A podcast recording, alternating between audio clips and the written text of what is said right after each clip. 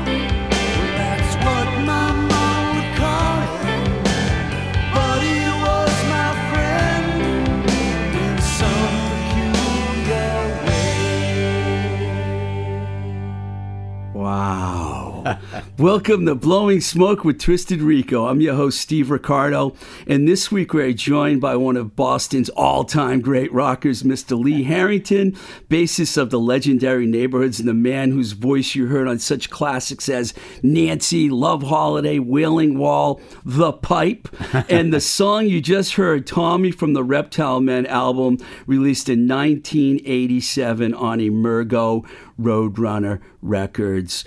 Let's welcome Lee Harrington to the Blowing Smoke with Twisted Rico podcast. Lee, it's an honor and a pleasure. It's absolutely my pleasure to be here. See you again, brother. It's been a while. Now, was Tommy a bum that hung around at Blanchard's in Allston? Do I have this right? That you have you done your research, Steve. That's exactly right. Yeah, we. uh the glamorous lifestyle of the rock stars at some point when you're not touring it's like how am i going to pay my phone bill and somehow we all the entire band worked at blanchard's no way, you guys worked there. Oh yeah, like, I didn't know that. Yeah, like Mike. Mike started there, and then they, you know, they he like we got paid under the table. We got paid in beer.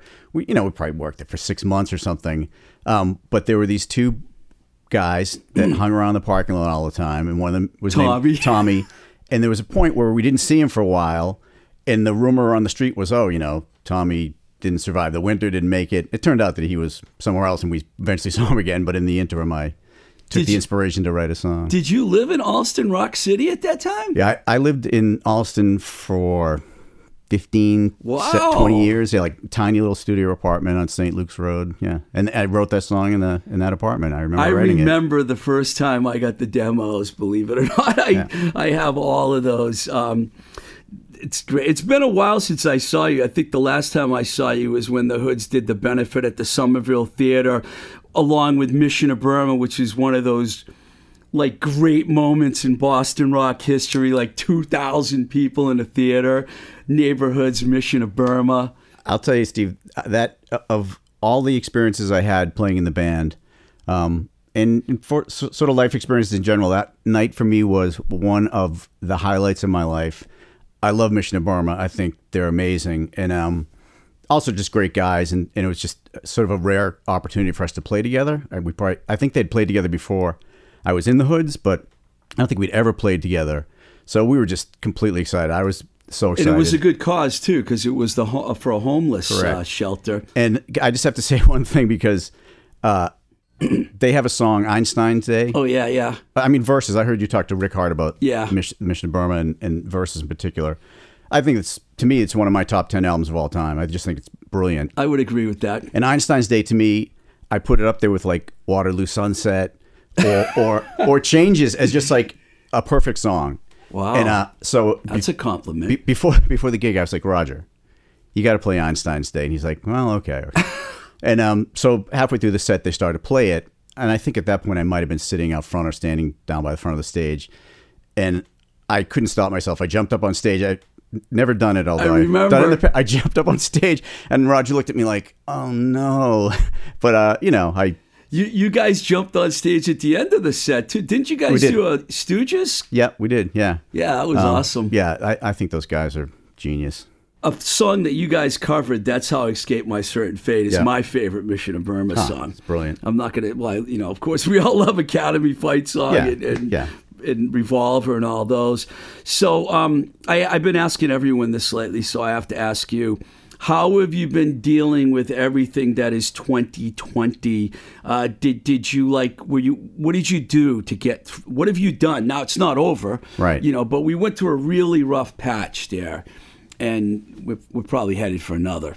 Yeah, I, I suspect you're right. Um, I think I probably managed it uh, this the way most people did. You know, I put my head down, took care of my family, and tried to be safe and you know keep myself in a bubble to the uh, the extent that I could. And then I think as the summer came and the weather got warmer and people started to get a little antsy and maybe confident, you know, I I was out a little bit more, but there's no place to go. Right. I, I think 90% of my social life still is going to see bands play at local Do you clubs. live in this in the I live city? in uh, in Needham. Oh wow, yeah, I know Needham, Needham. yeah. I know. I Um, make fun of Needham all the time. I don't know if you ever heard me. I called it the whitest town in Massachusetts once on a previous podcast. Yeah, I have to tell you that ending up there was sort of a shock to the system. It's like, why did I end up here? But Um, you know, it has a yard and a driveway. I would and- live there if I could find an apartment Yeah. there. It's a nice little downtown area. I like that. It- It's it's um it's got its Aly its- Raisman's from uh, She sure you know, is, yeah. So um, famous gymnast. so you know, we just you know, you, we keep your head down and you, and try and be smart and uh but it's been a challenge, but uh, not as, as big a challenge to me as it has been for lots of other folks. I I would imagine. You know. Now I know I did, and I'm one, I'm thinking you did. Did you like utilize your music collection a lot during the pandemic? Like, do you have a go-to that you went to, like records that you knew would help you through these times? I, I don't. I'd have to think of whether or not I, I focused on anything in particular, but I'm like any guy of my vintage. There are certain records that I've listened to since I was 12.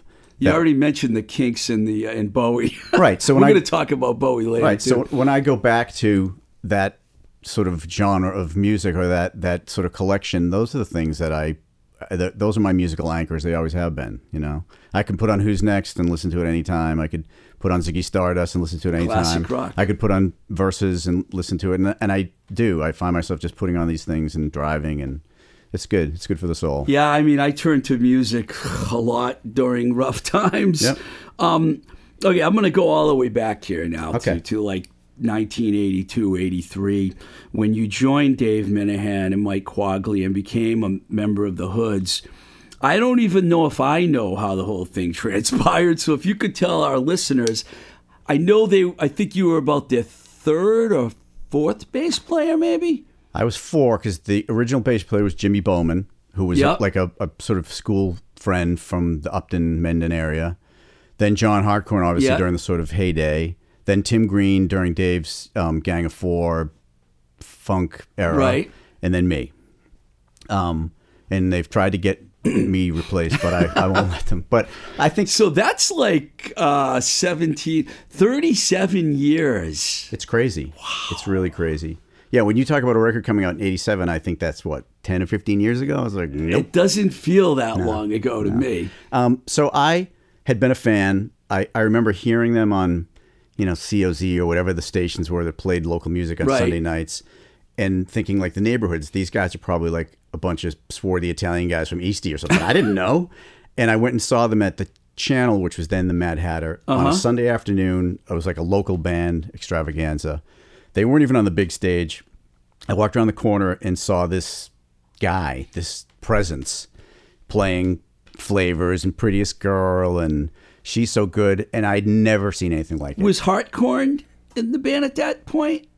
I think John it may have been the tail end of the Jimmy Bowman era, but uh-huh. or John may have oh, just Oh, that started. early? It was Okay. early. And you know Dave, you've seen Yeah, Dave. oh, yeah. I mean, you know, he's a life force. he, Madman. he's just, you know, a, a, a rock star. Like he just emanates that quality. I was thinking if he did a performance during COVID with the spit and the sweat flying all over the place, the whole room spreader. would be Yeah, infected. he's a single single person super spreader. But um, you know, I'd gone to tons of concerts at the Garden and the Orpheum and all these places, but didn't have that much experience seeing a band like that, that raw, that new, that was ours. Like on a tiny little stage, it was life changing, and became a huge fan. Saw them hundreds of times. Then started playing in some baby bands myself in town, and we would open for the Hoods. And Dave and I became friends. We clearly had a, a very deep shared musical experience. And, and what the- were some of those bands? well, you know, we loved Bowie. We loved Martha. No, I mean the oh, band that oh, you were I was playing in- in that opened I was in the a, Hoods. I was in a band called the Paytons. Oh yeah, okay. We yeah. were like a very mod, you know, Yeah. kind of all wore ties and jackets and tight red corduroy pants and Beatle was boots. Salem '66 on any of those bills for you guys? No, because because I think they, I was probably, I might have just started playing with the Hoods when Salem '66 formed. It was Right. around that like '82, but I certainly remember going to see those guys and thinking they were amazing and very attractive. Uh, wait a second. Did you go out with one of the girls in Salem '66 back then? I know Dave married one, I I You da- did. I dated and married. You did. Beth Kaplan. Yeah. yeah. and you're still married. no, no, no, no. Oops, sorry, Mrs. No, this is no, this is fine. This is you know. this- Beth. That's right. I'm Yeah. sorry, I don't remember that because I didn't. But yeah, Oh yeah, because that was after sort of you know uh, we had worked together. But yeah, we did it for a while. We get married. We we're still good friends. It's it's Good. good. It's really she's she's an amazing person. So So when did it? When did you guys decide that you had to play together? I think after Dave and Mike had played with Tim for a while, and and I don't know the story of the sort of um, the sort of de-evolution of that. I will also say that there were a couple of times I played with the Hoods. I played rhythm guitar at a few shows because Dave was always toying with the idea of adding another guitar player. So I played rhythm guitar at a few shows and a couple of songs when John was still in the band. Um, so I think I Dave, didn't know that. I think Dave and I always had some underlying sense that we would somehow work together. Um, but I, I always said, Dave, you don't need another guitar player. Like the, the the magic of the band is seeing a three piece band make that much music and have that much energy. So when Tim left, Dave was like, "Hey, do you want to come down and maybe?" I, I don't think he said audition. I don't think he would have said that. But do you want to come down and play? So I went to to the basement in the house in Upton where Dave lived for Upton. Every episode, Upton comes up. and um, you know, we started to play, and although I I thought that this stuff they did with Tim Green, there's some great music in that period of Dave's writing, electricity and and songs like that. I was kind of like Dave, why don't we play real stories and you know Mr. Reeves and and Mike was very much on board with that because Mike really wanted to He rock. did a lot of background vocals on Mr. Oh my Reeves, God, especially. great singer. And um, so I think I, by sort of subtle force of will, um, sort of drove us back a little bit more in that direction. And David also written some new songs, and it was never really like, "Hey, you got the gig." It was just sort of like, "Well, why don't you come down Thursday and we'll play?" And then, "Hey, we got a show at the Blue Wall, at UMass. Let's do it." And Your that was it. neighborhood. yeah, yeah. That's fantastic. Just for the listeners out there, I just want to give them a little history here. So, you know, Prettiest Girl, No Place Like Home, everyone knows. It came out on Ace of Hearts, 79. It sold 10,000 copies. Things didn't quite explode for the band like some people thought it would. But the perseverance, one of my favorite words when it comes to successful rock bands, took over. And from that point on, you recorded The Fire is Coming on Mustang Records in 84. and 86, The High Hard One on Restless Enigma. 87, Reptile Men, Emergo Roadrunner. 90, Hoodwinked, Emergo Roadrunner. 91, self titled with two re recorded tracks, Pure and Easy and Prettiest Girl. Uh, and then all the way to 2010, The Last Rat on Ram Van Records. I still don't know what the hell that label is. And then last year, Last Known Address. Now, that's I have all those records, you know, and I'm sure a lot of neighborhoods fans have them. I just want to go back to the High Hard one because that's when I got involved with you guys. Yeah. And um, I remember when I went to work at Enigma. Um, it wasn't until after I got poisoned that they kind of like said, okay, you can sign whoever you want. And I signed the outlets in the neighborhoods pretty much simultaneously because those were two bands I was like, Great band. I got to get these bands on.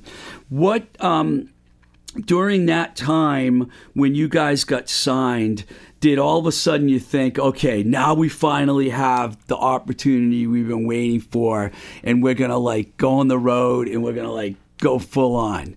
I mean, what do you remember about that? I, I think that we definitely saw it as a pathway forward. I don't think we were ever, um, you know, I don't think we ever thought, oh, this is it. Like now we're going to make it. But I think, um, in all candor, I think we spent a little bit of time in 82 and 83 and 84 kind of reclaiming some territory that maybe had sort of been lost to the band bef- before I joined the band and sort of finding our voice again and Dave finding his voice as a songwriter again. Um, so I think we thought this is great. We're, we're going to make a record. Our friend Wally Arsenal, who Wally. has, basically bankrolled us for the past 30 years, um, helped us get that done. And, um, you know, Vic, Vic, Vic, Ste- recorded Vic. Steffens, who I to this day still don't remember how we connected up with Vic, but he was a great guy. Um, He so I- was the person I had to track down to get the band, by the way. Oh, really? At that time, yeah. Yeah. And then he said, "Well, why don't you talk to Mike?" And he gave me Mike's phone number. yeah, Mike. Mike was the manager. I had seen the hoods many times. I was at the Cape Cod show. That every time I bring it up, Oh. Dave doesn't want me to doesn't want to talk about it.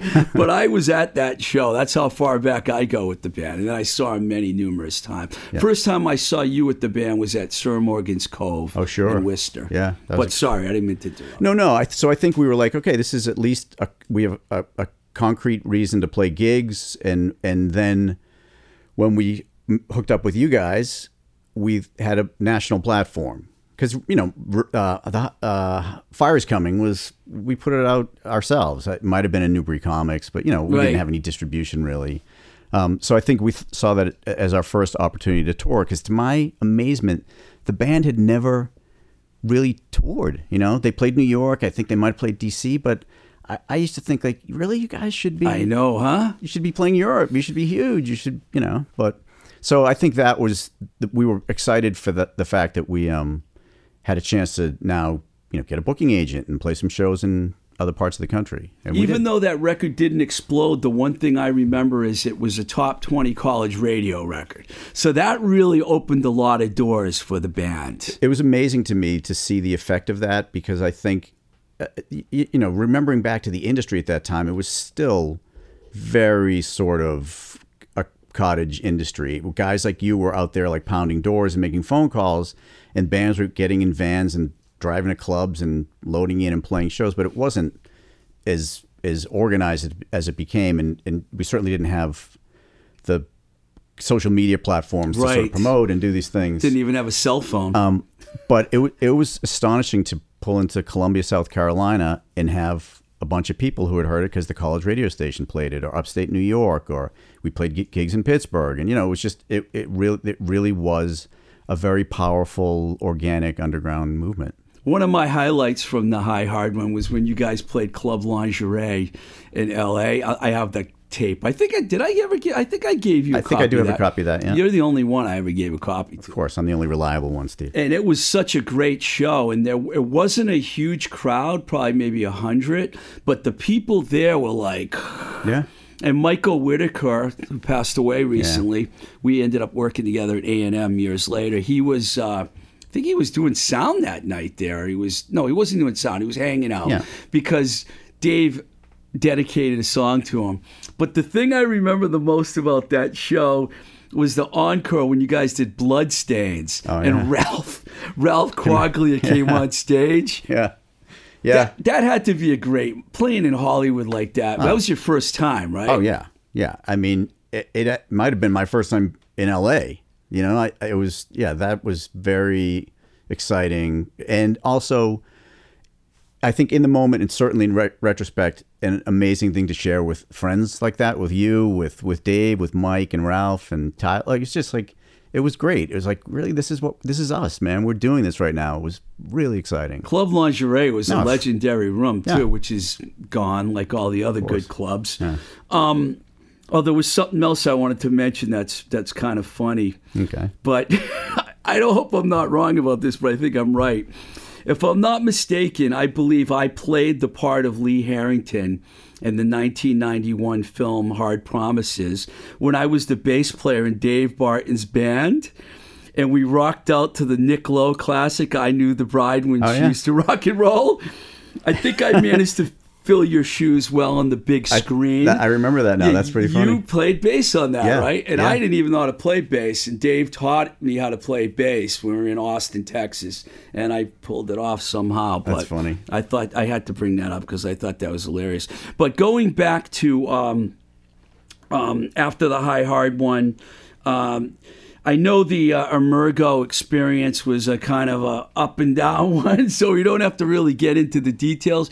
But you guys opened for David Bowie, Yeah. at, at uh, Foxborough. Yeah, at Sullivan Stadium, the old I stadium. mean, if anyone, if you've, I don't know if you ever talked about it in an interview, but just tell us about that experience. I wasn't there, unfortunately, but I heard it was something. I was wondering that tonight. I was like, was Steve there that night? What a I shame. I was not. Yeah. Um, you know, whatever the experience was like in that, that period of time with with um, the label, the one thing that came of that is that there was a Musician magazine article I remember that. Bill Flanagan. And someone said to Bowie, I guess it was Flanagan, said like, "So what are you listening to?" And and he mentioned our our name.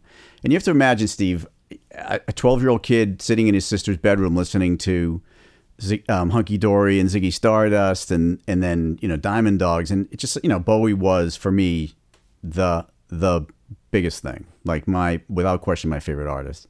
Um, so that alone was like, oh my god, like David Bowie meant, has listened to a record that I played on, and then you know you guys helped. It was a it was a team effort to to say like how can we leverage this? How can we like get on a, get on a show or at least get tickets to a show? I think would have been enough for us. So the opportunity to play that night, you know, my parents were there, my family was there to walk out on a stage where I had seen countless football games and, and, and, concerts myself, um, and to play in front of tens of thousands of people.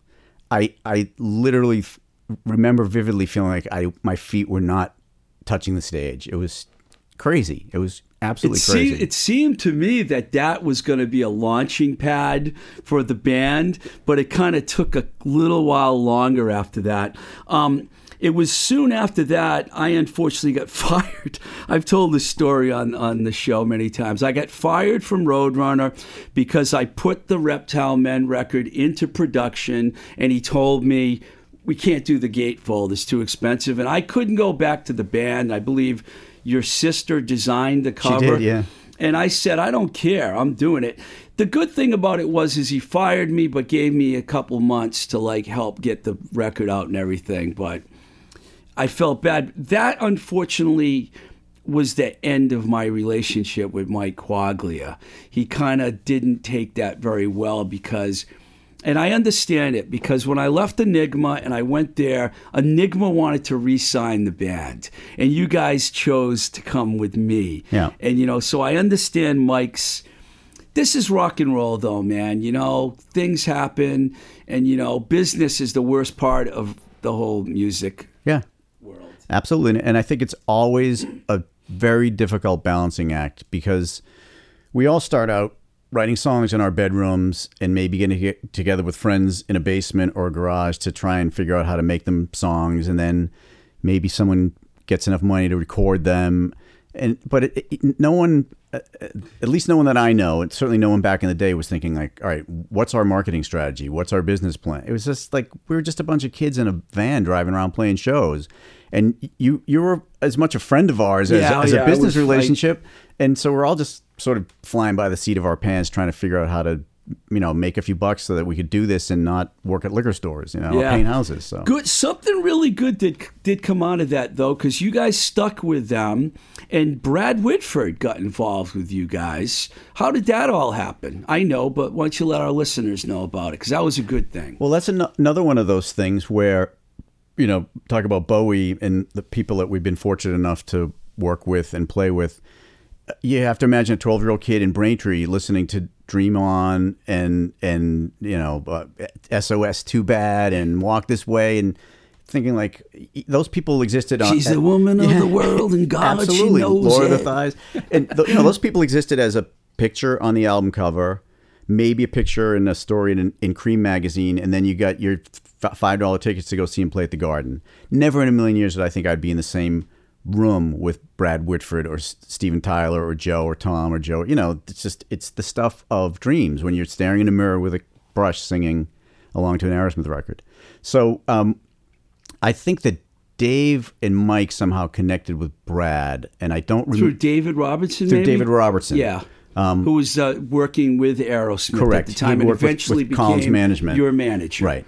And um, you know, Brad expressed an interest in maybe producing some music for, for us, and um, it was crazy. That, that would I'd say arguably the best record is hoodwinked you know well you know it ended up becoming the neighborhood yeah. self-titled but those recordings phenomenal yeah i think the band was um, in, in pretty good form brad was an amazing influence not only from the production side with with ideas and sort of inspiration but just the fact that he gave a shit about us. You know, it was really uh, it was really motivating and really uplifting. And it, also, he's just the sweetest guy. Just you know, when you meet your heroes and they're really nice guys, it's it's really a blessing. And yeah, I think that one's good. I I we'll talk about the last record that we did recently, which I think captures us more because I think we were, when we we're at our best, obviously, when we're live, and that's always been the knock on the band. It's like they've never captured that magic in the studio, and that is a difficult thing for anybody to do. I think. Um, but I think that I think that Hoodwink record, the songs are great, the attitude was great, the artwork's great. I mean, I just think it's a, a really good record. I'm Brilliant. proud of that record. Yeah. Um, you know, when I met, uh, cause, because of David Robertson, he invited me and my ex girlfriend Terry, rest in peace, to uh, the Love in an Elevator video shoot. wow. And I'll never forget. th- I met the whole band. We hung out with the whole band. Joe Perry spent a long time hitting on my girlfriend, which was fine with me. But the best thing for me was when David goes, "This is Steve Ricardo," and Brad Whitford goes, "I heard of you." That's what he said. I heard of you, and I was like, "Wow, that's great, man." You know, it's like, uh, and that that was good for me too because I got to see Aerosmith. I already had seen him a lot, but then David hooked me up with all these. Yeah. I saw that. I was at the sh- the Skid Row show with the bottle throwing Oh, really? incident in oh, God. Springfield. Yeah, yeah. So, um, um, yeah, then we we worked together again at Third Stone Atlantic, and um, it really seemed like that was going to be it. And then another magical moment happened, which should have put you over the top. You got Bowie coming back into the picture again. Yeah. So how did that come together, and what was it like touring with Tin Machine? Uh, we had sort of kept in touch to some degree, and then the Tin Machine Band had two Boston guys in the band, Reeves Gabrell and Eric Schermerhorn, and so when they were talk, when they were sort of setting out their tour dates, we reached out and just said, "Look, you know," and we worked with with Take the- us with Yeah, and we worked with you guys, and we were like, "Look, can you underwrite some of this tour?" And the, the label was kind enough to sort of give us enough money to keep us on the road for a couple of months, um, and it was, you know, just magical time. It was an amazing time. To, I was at the LA show and I got to meet Bowie for a split second, and I was like. I mean, the only person I ever got that excited about was Brian May when I met him. It's Yeah. like you meet certain people and you're like, David Bowie. Oh yeah, because we had met him backstage at Sullivan Stadium, and that band had um, Carlos Alomar and Peter Frampton, and just meeting all these guys, it was amazing. But to meet Bowie at backstage that first time in '87 was sure. Wow, I didn't realize Frampton. I thought it was Earl Slick at that time. It was Frampton. Yeah. Wow. And um, and so the Tin Machine that that that couple of months in a row with those guys was great because we got to spend time with David Bowie. He was not a guy who sat on the tour bus, walked out on stage, and got back on the tour bus. He was there for sound check. He hung out. We talked.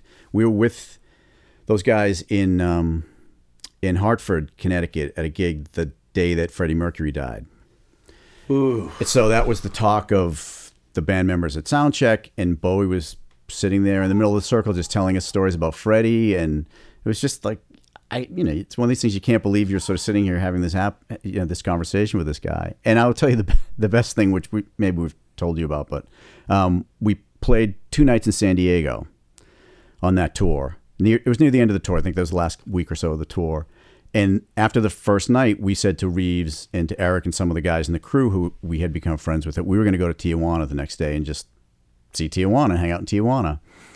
Next day, we get down to the lobby of the hotel to meet some of these guys, and there's Bowie sitting in a chair in the lobby reading a book.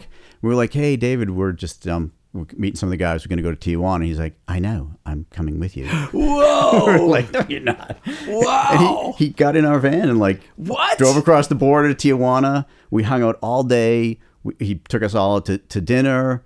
Um, it also just happened to be, it coincided with some kind of like Christmas time biker Toys for Tots rally that apparently starts in Tijuana and goes to Vancouver or something. So we're all hanging out in Tijuana, just having the best time, you know, buying wrestling masks and all that junk. And 10,000 Harley Davidsons go by. And um, I don't know if we, we used to have those T-shirts that on the back that said "fuck you." We're from yeah, Boston. yeah, yeah. I had one. So I, I happen to have that T-shirt on, and and Bowie's like, Lee, Lee, stand stand over there. a little bit." So he like pushed me out into the front of the sidewalk as the bikes are rolling by, and he's like taking pictures. I'm just like, oh man, David Bowie's taking pictures of me. It was, that was a wow. good day. Did you ever get a, a photo? No, you know, I should. You know, and that's the other thing. It, it's a total double-edged sword that we didn't have iPhones there's lots of Yeah. things I'm glad we're not memorialized, but there are things that I wish we had taken pictures of, like us with Joe Strummer and Yeah, and that reminds me of the one photo that we all took together, and I kind of ruined it for you and stuck my head out. The Michael Douglas photo, and I feel bad every time I look at it. this I'm interview's over. I'm leaving. I'm blocking Lee Harrington. It's just like I don't know what happened in that photo. that was a good day too. That was a You really were the you day. were the highlight of that meeting because you were just wanted to talk about Kirk Douglas, and he was actually answering all your questions, and I Ah. thought that was fantastic. That was one of those moments that you I you I tend to forget about it sometimes in a way because of all the other things that we've experienced. But you know, sitting down, smoking butts, and drinking vodka with it was Michael it Douglas was was, really pretty cool. it was funny because he got this bar that we met at and the place was empty it was Yeah. like he must have told them I don't want anyone to come here today. I'm going to meet this rock and roll band from Boston, and we're going to hang out. And he hung out with us, and he had a couple of cranberry uh, vodka and Yeah. cranberries. He was pounding them away. I remember he also was just about to leave to go film Basic Instinct. yes, And we were all like, oh, he's like, yeah, it's not a bad way to spend a few months, you know, hanging out with Sharon Stone. Like, That was good. I mean, I have some good memories. I mean, I remember uh, hanging out with you guys in San Francisco. Mm-hmm. We had a riot up there. You guys Mm. uh, played this radio festival Yep. thing or whatever.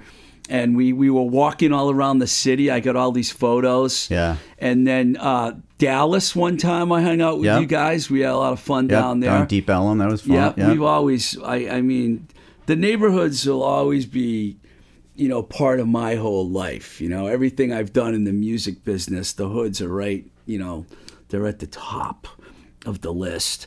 Let's see what else I got here for you, Mr. Harrington. Oh, you know what I wanted to do? I wanted to do a word association thing with you. Okay. Because I've always wanted to do this, and I, I, I feel like I can do it with you because I know about all this shit too. Okay. And you know, so you'll give me good answers. I'm going to say something, and you just give me a couple lines about what you think. But some of it we talked about. So Okay. Yep. the high hard one. I remember that um, Wayne Valdez took the record cover photos. Fenway Park. Fenway Park. We went there like, you know, pregame, sat in the bleachers, and Wayne took those pictures. And um, I remember thinking that that was a good record. There was a bunch of really good songs in that record. I was really proud of that record. Yeah, Arrogance is probably still my favorite uh, Oh. neighborhood song. That's a brilliant song. It's one of the best songs Dave ever wrote. Reptile Men. Uh, I remember um, I, I had a song on the record. I, th- I think T- was Tommy on. Yeah. Tommy. yeah, and that Which we played that earlier. might have been the first song that I.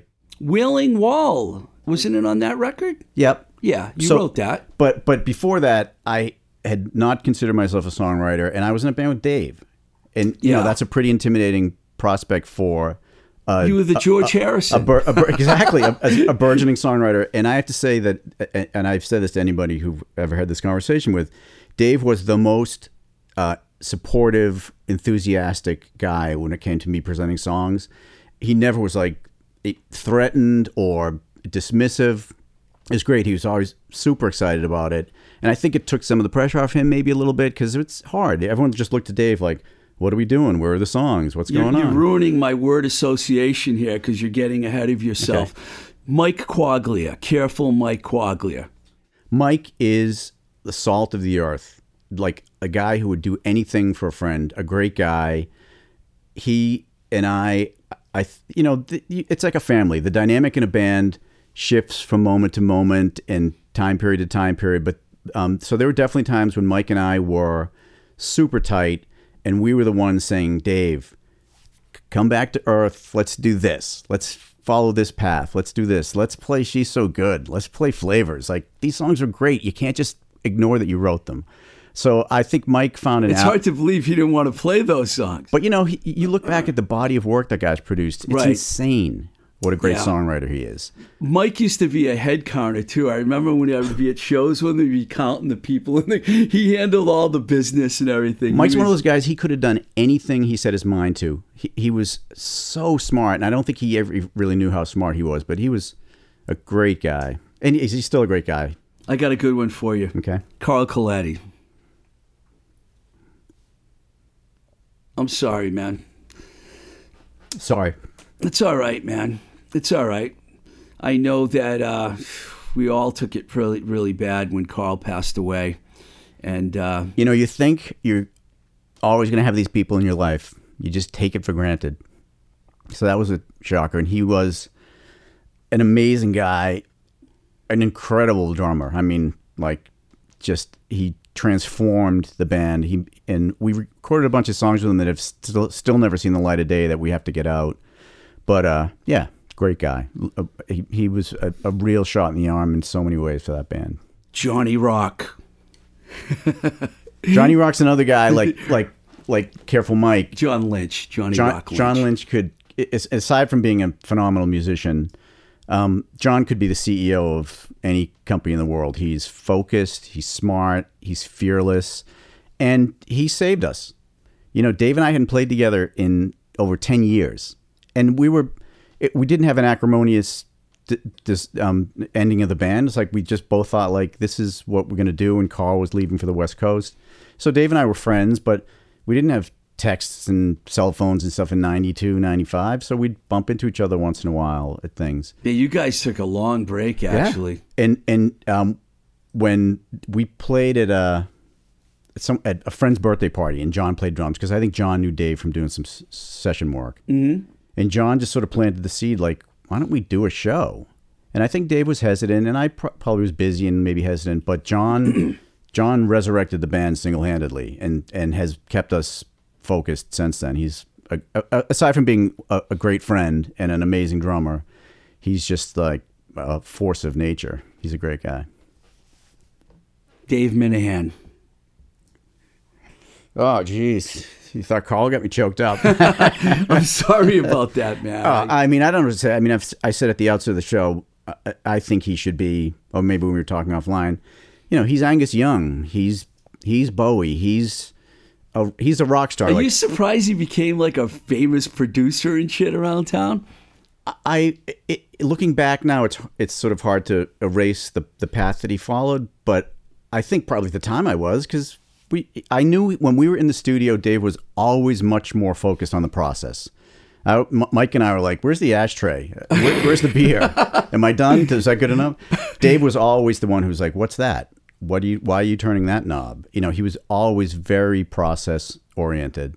So I think that I, I I'm not surprised he's he's um, a good producer, and he's also so deeply in love with music. And anyone that I know, and I've known tons of people who've worked with Dave, they just they've no one's ever had a better experience in the studio than I work with Dave and Woolly. He's just he, he's not a knob turner. He's not a guy that turns the lights on and off. He's invested in the projects that he works on, and the results speak for themselves. I mean, Yeah. he makes great records, great records. Changing the course a little here. The channel, because I saw you guys there many times. Yeah, Channel was probably one of the first um, club casualties, you know, because it happened such a long time ago. Look, the Channel, I had so many wonderful personal musical experiences at the Channel, like seeing Echo and the Bunnymen and seeing so many great bands there, and playing there was always fun because Having Cheap Trick come on stage and play with Of you. course. I was there that yeah, night. I mean, again, talk about getting to meet your heroes, like great moments. And we played a few shows with those guys too. It was awesome. Um, yeah, so I love the channel. You know, there was some sketchy folks who worked there and ran the place, and I saw stuff there that I, you know, probably shouldn't talk about because there's probably still people who would have you put in a dumpster somewhere. well, this could be, be- even better. The Rat.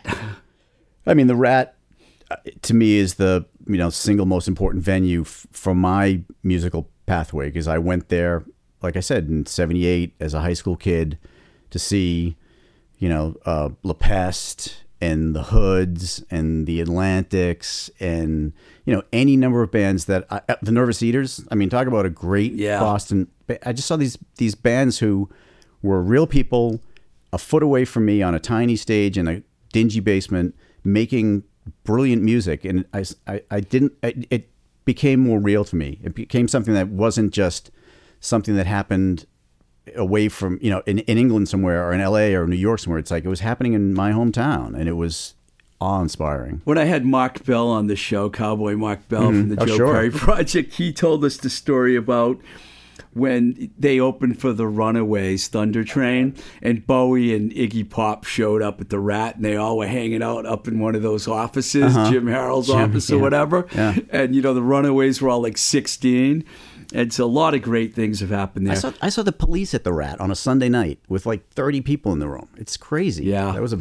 what real- about the last Rat? Because I was at both of those shows, and that was incredible. It was good. You know, we had we had made the decision that we were going to sort of pull the plug, and uh, we so we did a brief tour to sort of go to some of the places where we had sort of had loyal fans over the the course of the career, and the Rat just seemed like the fitting place to put the nail in the coffin, and it was nice because it was a celebration. It wasn't a eulogy. It was tons of fun. We had lots of friends come up. Brad came up and played with us, and um, you know Mike came back and played with us, which was perfect. Uh, and Mike yeah. played with Dave. That was Yeah. just. so yeah, it- yeah, that was a that was a good weekend. I've never seen more people jammed into a because place. you know I, I heard you talking to Rick about this last week that you know you used to go see bands at the Rat and a band would play, then another band would play, then the first band would go back. You know, they used to alternate sets, and maybe on a Thursday Two night sets. someone would open, and the Yeah. Friday the next band would open. It was just this weird organic community. I missed that place. Me too. I got one for you. Last known address. I was gonna we want to talk about that with you, but we'll do the word association first. Sure.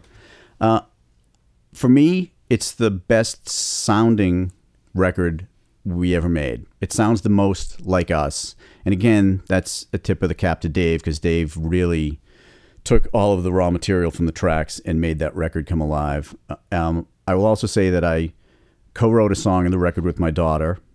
Oh, you did? Which was just, you know, the nice little legacy to have kids that are interested in music. And my oldest son played guitar on one of the tracks. So wow. and I have to say that the song that I wrote with my daughter is the song that gets the most airplay from that record. It's it's still getting airplay a year later.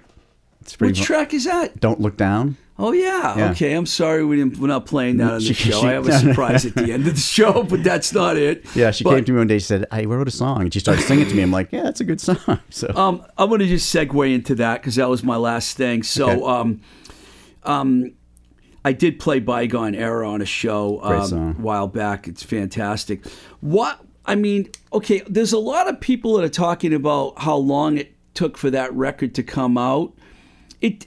When did you actually start working on that record, and did it really take a long time to come out, or did you do the whole thing in 2019? no, it was uh, an incredibly long, sort of disjointed process. We started tracking some of the songs when Woolly Mammoth was still down by Fenway Park. What? Yeah. Wow. Yeah. And then, you know, then Dave was sort of forced out of there when they decided to Yeah, raise the, the building place down. and, and built uh, high this rises. New Alliance building was originally that's yeah, the New Alliance building. yeah.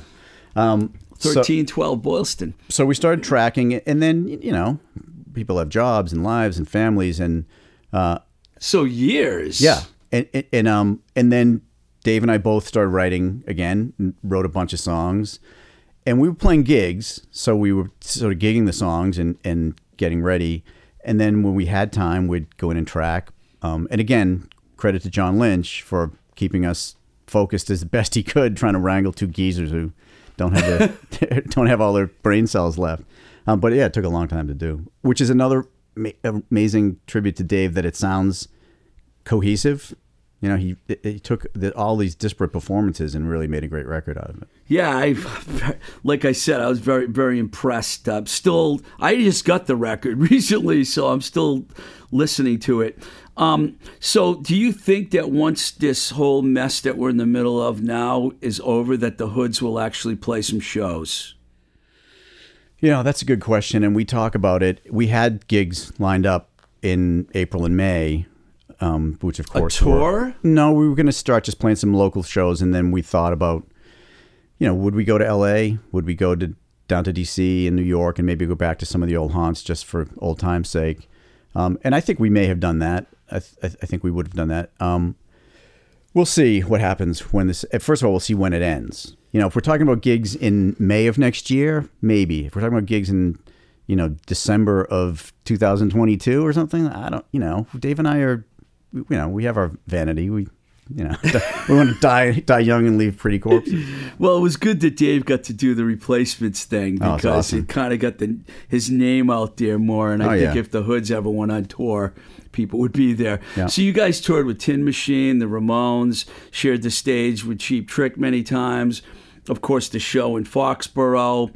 When you look back at all these moments, is there like, um, I know you know it's hard to not say the Bowie show, but is there something we might have missed here? I know we've covered a lot that sticks out in your mind that about those bands, and I know Tommy Ramone. I was in the same dressing room with him a few times at neighborhood shows. Oh, yeah. he was a fan of the band. Yeah, there was a there was a period in time we were talking to Tommy about producing uh, Or- producing the hoods.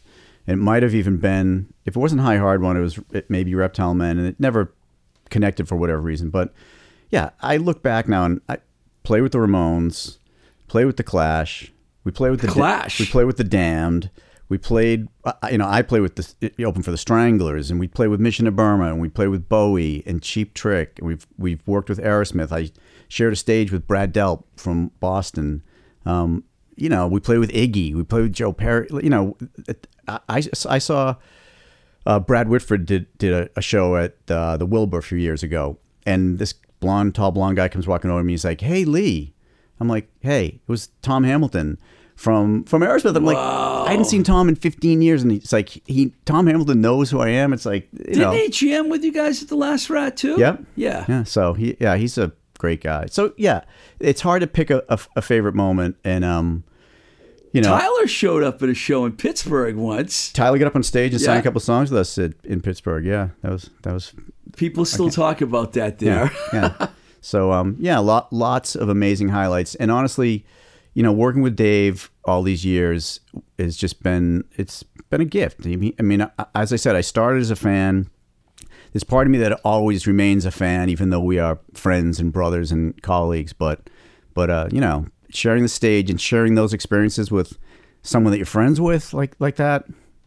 It's Yeah. A, I I have no regrets. It's pretty nice. I've I saw you guys so many times that I'm having all these flashbacks. Yeah. Uh, why don't you tell us about some of your other projects that you're doing musically?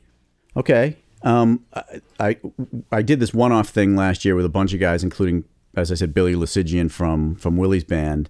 We did a Mott the Hoople tribute show at the Lizard Lounge, which was a ton of fun. I'm a huge Mott fan, and uh, through that and through sort of you know past f- connections as friends uh, with Jen D'Angora from from Jenny D and and um, and Dan Kopko from Watts. Um, they were putting a project together and they had written some songs together and they were looking for a band and they were a- asked me if I'd be interested. And because the Hoods were not playing at the time, the record had just kind of come out. We weren't sure what we were going to do. I was like, sure, I have time. And I, I respect them both as performers and they're great songwriters. I mean, just crazy good songwriters.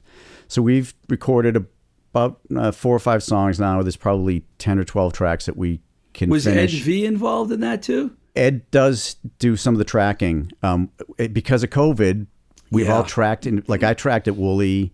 Dan Dan tracks sometimes at home because he's got Pro Tools. The drummer tracked at not a Q division, but some- you know, and and uh, no, because that's what Jen. But so we've sort of it's been a amalgamation of very disparate performances, but it sounds great. And uh, we put out a video and a single recently. I gotta on check Rumbar. that out. I'm sorry it's super uh, catchy. And again, it, you know, you do this now for purely for the love of music and the camaraderie and getting to work with people that you respect, and then you get a little ego boost because people like your song. So you know, it's not not a bad way to go about it. Wow. Well, we covered a lot. That's what I was hoping to do. Mm-hmm. but I want to thank you. Means a lot to me, man. That Right you- back you're at you, here Steve. today, man. You know, I've always had a lot of respect for you, and we worked together for a long time. great. And I have nothing but fantastic memories. I'm sorry that I brought got got you a little sad there for a second, No, no. but I think it's a good thing Yep. that we're remembering somebody that was a great guy. Yep. And uh, thank you for coming on the. Thank you for Smoke. inviting me, Steve. It was a blast. My pleasure, man. 100%. Maybe again sometime if Sure. you want to come back. Yep. Um, stay tuned next week. We're going to have Al Quint, uh, one of the best music writers in America, on the show. And I just want to remind you how important it is that we support the mom and pops and independent shops out there like Baby Loves Tacos. Who we mentioned in the beginning of the show, along with JLS Design in Leicester, Moonbeam Cafe in Oakmont, PA, Spectacle Eyewear in Boston, the Dark Horse Pub right down the road here in Somerville, Honest Taqueria, also a Boston um, establishment, the Record Archive in Rochester, and the 1369 Coffee Shop in Inman Square, Cambridge, where I got myself a lovely iced tea with extra lemon this morning. These fine establishments need us now more than ever during these difficult times. So whether it's uh, you know to get takeout food or order merch or buy your favorite metal band's new release. Um, please keep these small businesses in mind. Before leaving, we want to thank our engineer, Nick Z, here at New Alliance East in Somerville, and also our patrons who continually support the podcast. Um, on patreon.com. That's uh, patreon.com forward slash twisted rico. I'd love to have you on board for that if you want to help. You can reach me at twistedrico at gmail.com. Follow the Instagram page at twistedrico. We're on Twitter at blowing smoke bs, and there's also a blowing smoke with Twisted Rico Facebook page. Um, we're going to do something different here today that I've never done before in our previous 57 shows. We're going to end the show with a different song. I want to leave you with one of my favorite songs by the neighborhoods written by lee harrington. This one's called love holiday. Um, this is blowing smoke with twisted rico. I'm your host steve ricardo. Till the next time we say goodbye keep the rock and roll alive. We love you busy phillips and we're going to take you on a love holiday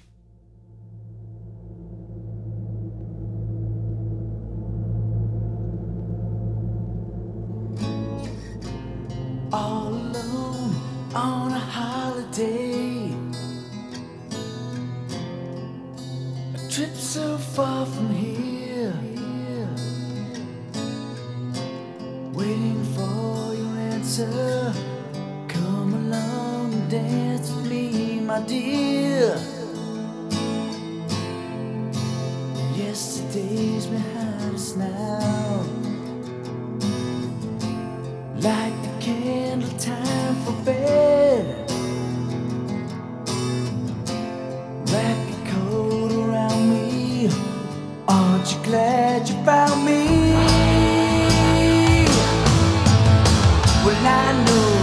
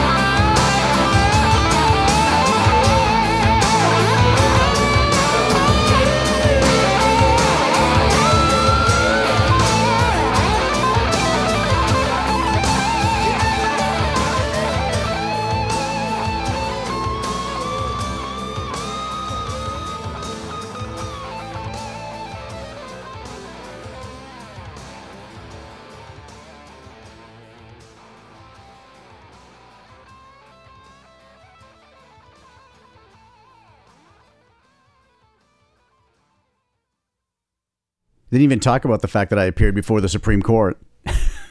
You did? Yeah, I didn't know that. When? about a year and a half ago.